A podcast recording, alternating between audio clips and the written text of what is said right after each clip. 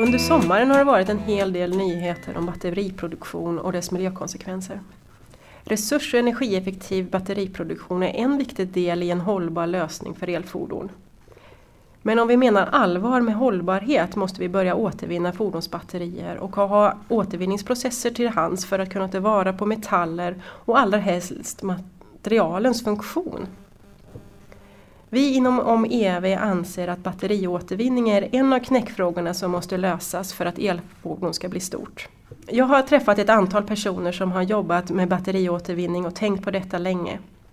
Det är Christer Forsgren på Stena Metall, Lisbeth Dahlöf på IVL, Hans-Erik Melin som en egenföretagare, Kristina Eriksson på Elkretsen och Lars Eklund på Naturvårdsverket.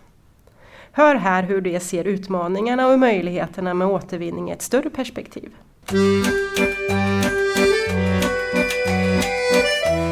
Idag är drivkraften för återvinning av litiumjonbatterier kobolt. Och med ett stigande pris som hela tiden slår nya rekordhöjder så blir det mer och mer attraktivt. Hans-Erik tror dock att återvinnarna inte är helt positiva över utvecklingen med NMC-batterier där vi har mindre och mindre kobolt i. Nu så är vi ju lite tillbaka på koboltsidan i och för sig, även om det inte är de mängder som fanns i LCO-batterierna. Men NMC-batterierna har ju ändå 7-8% kobolt i sig. Eh, det talar dagens återvinnare inte sådär jättehögt om, för att de tycker inte det är så roligt att betala för det. Men eh, med en, en bra volym och en bra process så har du ju fortfarande liksom ett ganska högt värde eh, i, i de batterierna som kommer in. Återvinningsprocesserna är energikrävande och den energin måste ställas till, i relation till energiåtgången för att hela tiden göra nya batterier.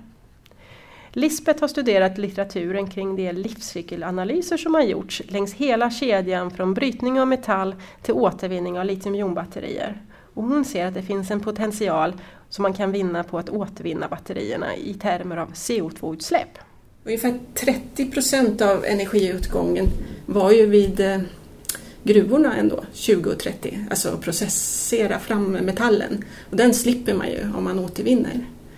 Så så viktig ungefär är den. Men det viktigaste för återvinningen, varför den är jätte, jätteviktig, det är ju själva metallerna. Att man återanvänder metallerna i samhället. Vi kan ju tycka att det finns gott om metaller men det är ju olika för olika metaller. Det finns en hel del flaskhalsar med dagens återvinningsprocesser och Christer har en hel del insyn i detta. Idag så skulle jag säga att den största flaskhalsen är att det finns så små mängder batterier så att det inte lönar sig att sätta upp någon storskalig anläggning. Och om man förenklar det så är ju koppar och aluminium som redan är elementärt form lämpade för pyrometallurgiska processer, alltså där man smälter ner det. Medan kobolt och nickel och litium finns i oxiderad form i batteriet och skulle lämpa sig för en hydrometallurgisk process, alltså man lakar ut de ämnena. Men att sätta upp en anläggning som är optimerad för båda de här processerna det finns det inte underlag för idag. Det finns inte tillräckligt många batterier så att man får lönsamhet i att sätta upp en sån anläggning. Vilket gör att det blir antingen eller. Eh, och hårdrar man det också som det ser ut just idag så finns det ju inga hydrometallurgiska processer utan alla bygger på att man smälter ner och återvinner eh, framförallt kobolt och koppar. Det finns bara några få aktörer i dagsläget för återvinning av litiumbatterier. Men klarar vi framtidens behov? Det finns egentligen inga jättestora aktörer. Det, det, det stora, stora bolag eh, som, som finns eh, och som också har den största anledningen är Umicore nere i Hoboken i, i Belgien. De har en anläggning som tar 7000 ton eh, som, eh, som idag är fortfarande ganska mycket i de här sammanhangen men i termer av framtiden så är det ju väldigt lite och de kallar det själva för en pilotanläggning. Sen har du tyska Accurec ehm, som inte ligger så långt därifrån. Ehm, med att eh, de har en kapacitet som är betydligt lägre än så. Du har franska Snam eh, nere i franska alperna eller strax utanför. Eh, och eh, samma sak där, det är inte någon enorm kapacitet. Då, men sen är, har du i, eh, i Nordamerika så har du framförallt eh, Retrieve som eh, har en anläggning i, eh, i västra Kanada. Eh, och eh, även en anläggning som är väl tveksamt i hur, vilken takt den går egentligen men eh, i Ohio i USA. Och sen finns det ett antal asiatiska eh, spelare också. Eh, I Japan så har man ju varit duktig på att, eh, speciellt Honda men även Toyota har ju tagit tillbaka batterier då från, framförallt från Nordamerika. En aktör som hjälper svenska tillverkare längs vägen är Elkretsen. Och Kristina berättar om deras verksamhet. Ja, Elkretsen jobbar med producentansvar på så vis att vi utgör ett insamlingssystem för de producenter som har elektronikprodukter, små batterier och stora batterier som i fordon till exempel. Och vår roll i det hela är att samla ihop alla möjliga krav som ställs på de här producenterna från svenska lagstiftningar, transportregleringar och krav som kommer från vad som rent praktiskt är mest lämpligt och effektivt. Och så baserat på de här kraven samlar vi ihop godkända leverantörer och produkter och paketerar det tillsammans med en del rent administrativa tjänster och så erbjuder vi det som en helhetslösning. Och det finns ganska mycket för producenterna att hålla koll på. Eh, till exempel behöver man redan på verkstaden när man ska återvinna ett batteri veta om det är ett eh, LCO eller NMC-batteri till exempel. Sen behöver avlämnaren också ha gjort en riskbedömning som är ganska komplicerad och omfattande för att man överhuvudtaget ska veta hur man får transportera batteriet.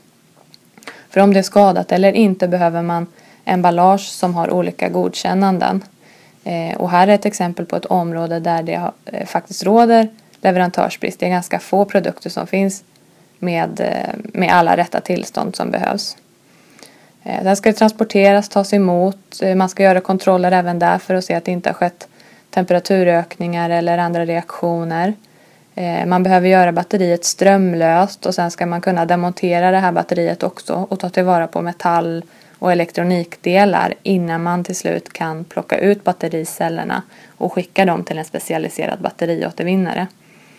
Eh, och så sista steget om man kollar på den här processen är ju då att samla ihop alla data, sammanställa statistiken av återvinningsresultat tillsammans med försäljningssiffror och eh, rapportera allt tillsammans till Naturvårdsverket. Precis som Kristina säger är insamling och transporter viktiga delar i kedjan, även när det rör sig om små volymer.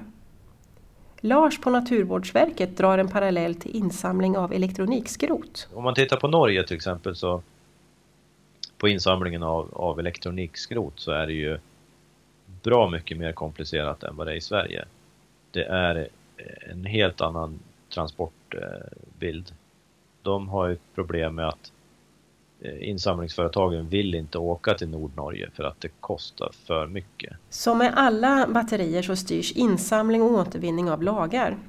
Inom EU har vi batteridirektivet men även ett producentansvar att ta hänsyn till. Fördelen med, med producentansvaret för batterier jämfört med till exempel elektronik det är att eh, det finns egentligen inga batterier som inte omfattas. I producentansvaret för elektronik så finns det en del undantag. Men batterier där, ja, alla batterier omfattas av producentansvaret. Det som eh, är lite luddigt just nu i lagstiftningen det är bland annat eh, vem är producent? När sätts batteriet på marknaden? Och det är två ganska tunga bitar i, i i ett producentansvar. Och när det gäller bilar så det är hyfsat homogent vem som är importör av en bil. Eh, det är inte så många som köper en elbil på Ebay eller från, från Kina. Som vi har skrivit om tidigare år inom om EV håller batteridirektivet på att uppdateras. Och just nu kan alla lämna synpunkter på vilka förändringar man vill se. Sen försöker vi också påverka förstås lagstiftningen för batteridirektivet eh, är ju en grund för hur vad man sen i verkligheten gör med batterierna när de kommer in som avfall. Och det batteridirektivet behöver ju revideras för det är inte anpassat för de nya litiumjonbatterierna. Och den här regeln att man ska återvinna 50 procent är ju egentligen mer fokuserad på blysyra batterier och alkaline-batterier än någonting annat. Jag tycker absolut att en revision av batteriförordningen är på sin plats. Jag menar, eh, den skrevs 2008 och sedan dess har det hänt en hel del på batterifronten. Eh, och då syftar jag inte bara på fordonsbatterier som, är, eh, ja, som innehåller litiumjonbatterier utan då syftar jag på batterifronten som helhet. Eh, jag menar, som det ser ut i dagsläget så klumpar man ihop en mängd olika batterier. Alkaliska batterier, nickelmetallhydrid, bly, litium, primärer och litiumjonbatterier för att bara nämna några. Eh, och sen sätter man samma återvinningskrav på dem på 50 procent. Eh, och det är egentligen inte rimligt utan där skulle man ju mycket hellre differentiera återvinningskraven utifrån vad batterierna faktiskt innehåller. Batteridirektivet säger att vi ska återvinna 50 procent av ett batteripack och det är ju ganska lätt.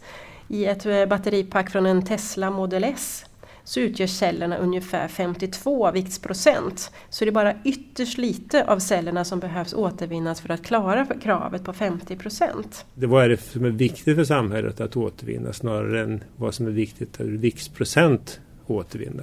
För att underlätta hanteringen och insamlingen av batterierna så behöver batterierna även märkas. Både Kristina och Christer har tankar om detta.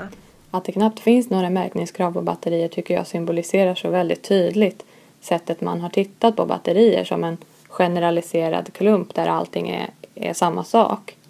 Men man skulle ju egentligen behöva att varje batterikategori märks upp med vad de innehåller och i en drömvärld skulle man ju märka upp det ännu tydligare än så, alltså vilken typ av litiumjon är det?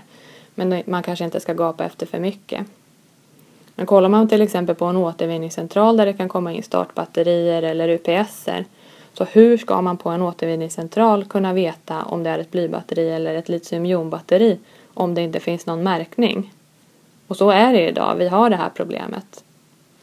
Eh, och jag tycker att alla produkter som sätts på marknaden måste gå igenom en revision. Som, ungefär som man har CE-märkning för att en maskin inte ska skada den som använder maskinen. Så borde man ha motsvarande märkning på produkter och en tredjepartsrevision. Så att någon går igenom hur ska den här produkten, om vi tar ett batteripack, hur ska det hanteras när det blir avfall? Hur ska det produceras för att få minsta miljöbelastning under produktion och andrahandsanvändning? Möjligheten att reparera. Idag återvinner vi inte litium, men vi har inte så många år på oss innan vi måste ha stor, storskaliga processer igång. Hans-Erik har räknat en hel del på detta. I, I den här artikeln som du nämnde så gjorde jag en, eh, en, en beräkning som sa att eh, om, omkring, vi kanske kan få omkring 1000 ton eh, återvunnet litium givet att metoderna finns på plats, kapaciteten finns på plats. Att Eh, Eh, att materialet kommer in, inte minst. Eh, om, om det gäller så kanske vi får omkring 1000 ton vid eh, 2023 eller 2024 eller något sådant. Det kan bli mer, det kan bli mindre, men det är i den storleksordningen. Och det är ju under tid då, då det krävs 500 000 ton av eh, litium. Så, så, att det är ju det är verkligen en liten droppe i havet i, i det fallet. Och det går ju inte att lägga på deponi eller bygga in det i slagg eller sådär. Det funkar ju inte. Och en av de sakerna som jag tycker man borde införa redan nu är att de saker som vi inte kan återvinna, typ litium, så att blanda in det i betong exempelvis efter, som ett slaggmedel för att kalla återvinning. Vi kommer aldrig kunna hitta den litium som byggs in i betong. Medan om vi la det på en separat cell i en deponi då skulle vi om 50 år kunna bryta upp den deponin och kunna återvinna litium därifrån. Eller något annat grundämne som vi då tycker är kritiskt att vi har. Ur ett EU-perspektiv är givetvis återvinning av batterier mycket strategiskt. Christer förklarar varför. Nickelmetallhydrid återvinns ju till stor del undantaget de sällsynta jordartsmetallerna som ju hamnar i slaggen och därmed går förlorade. Och sen kan man ju diskutera, det är ju låga halter, eh, förhållandevis låga priser idag men där är vi ju extremt beroende av Kina som leverantör av sällsynta jordartsmetaller. Och så länge de levererar så är det ju inget problem. Men den dagen de inte gör det, då har vi problem där. Eh, nickelmetall, litiumjonbatterier är ju kobolt förstås en resurs som vi inte har och nyttjar inom EU. Den är extremt beroende av Afrika och, och gruvor där det sker under icke goda förhållanden. Det är ju en konfliktmetall. Så att, eh, att göra sig oberoende av import från länder utanför EU av kobolt är en jätteviktig bit om jag sätter min EUs perspektiv på litiumjonbatterier. Trenden bland batteritillverkarna är att minimera mängden kobolt i cellerna eller rent av eliminera kobolt helt och hållet. Många tror då att det ekonomiska incitamentet till återvinning helt försvinner. Men det är klart att man, vi kan ju inte stoppa i kobolt i, i batterierna bara för att det ska vara någon slags pant för återvinningen. Så kan det ju inte eh, fungera. Utan det är klart att eh, det, det måste finnas andra, eh, eller framförallt är det liksom både rent produktmässiga drivkrafter och kostnadsmässiga drivkrafter. Då. Och dessutom så är det ju inte så, jag menar, om vi har ett koboltpris som nu är, vad är det, på 55-57 dollar eh, kilot var det uppe i nu. Eh, om det fortsätter att gå upp eh, då kommer det ju absolut inte vara speciellt roligt för tillverkaren att stoppa i kobolt i, i, i batterierna. Eh, och risken är ju helt enkelt att en återvinnare står där med, ehm, med processer och resurser för att återvinna kobolt som i princip har blivit utbytt i framtida batterier. Jag tror det är som alla andra producentansvar. Det kommer styras av hur lagstiftningen ser ut. Om man sätter krav på återvinning då måste ju den som sätter batteriet på marknaden hitta en lösning så att man klarar lag, lagkravet. Så är det inte lönsamt beroende på innehållet av eh, ädla metaller eller kost, eh, värdefulla metaller då måste man ju lägga den avgiften på när man säljer batteriet. Ett sätt att minimera resursanvändningen är att återanvända uttjänta fordonsbatterier i andra tillämpningar. Second life eller återanvändning. Det brukar vi prata om. Ur ett koldioxidperspektiv är detta en bra åtgärd med tanke på hur mycket som släpps ut under själva produktionen av cellerna. Lisbeth förklarar för oss vad slutsatserna är från den rapport som IVL publicerade i sommar kring de LCA-studier som har gjorts världen över. Vi hade då i uppdrag att granska i detalj då den litteraturen kring de livscykelanalyser som är gjorda för att se då dels hur stora koldioxidutsläppen är från batteriproduktion men eh, också var någonstans de stora utsläppen sker i livscykelfaserna. Då. Och eh, sen skulle vi även eh, se hur det blir om man har större batterier, som ju är en trend nu inom bilindustrin i alla fall, att man ska ha större batterier. Hur mycket det då ökar CO2-utsläppen och energiåtgången då vid eh, produktionen. Och återvinningen. Återvinningen tittade vi också närmare på hur det går till idag, vad det finns för möjligheter framöver. Sen eh, var det inte alltid man har eh, data, alltid. särskilt inte för produktion just. Det är väldigt, har varit väldigt dåligt med data och då kanske man har liksom gjort uppskattningar och så. Så då, det har spridit väldigt mycket. Men i alla fall, när vi då tittade noggrant och la tonvikten på de mera nära i tiden liggande studierna och de som var transparenta så kunde vi smalna av vårt svar till Energimyndigheten för de ställde en specifik fråga då hur mycket som släpps ut under produktion. Och då kom vi fram till ungefär 150 till 200 kilo koldioxid per kilowattimme batteri. Vi såg ett ganska nästan linjärt samband. När man ökar storleken och kapacitet på batteri då ökar CO2-utsläppen nästan lika mycket eftersom det är celltillverkningen som är den stora energislukaren, än enskilda eller stora.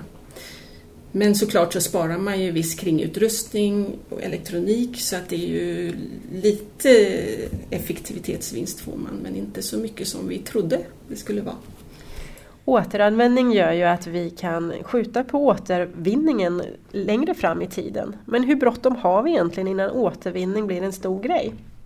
Jag tror på fordonsbatterier så är det inte så bråttom för att jag tror att återanvändningsdelen kommer att öka ganska dramatiskt. Man lär sig nyttja cellerna även när de börjar bli ganska utslitna för fordonsapplikationer.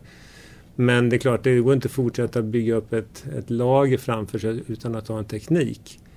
Eh, så att jag skulle säga att in, inom tio år då behöver vi ha en väl fungerande process. Men det är inte lätt att veta hur man ska navigera i lagstiftningen kring återanvändning. Lars hjälper oss att reda ut begreppen lite. Det finns ju definitioner på eh, när blir en produkt avfall och när uppstår det, eller när upphör det att vara avfall? Och det är inte helt enkelt för ett elbilsbatteri. För att eh, man måste vara säker på vad är batteriets funktion? Eh, när, när återanvänder man ett batteri? Eh, och när till exempel förbereder man ett batteri för återanvändning?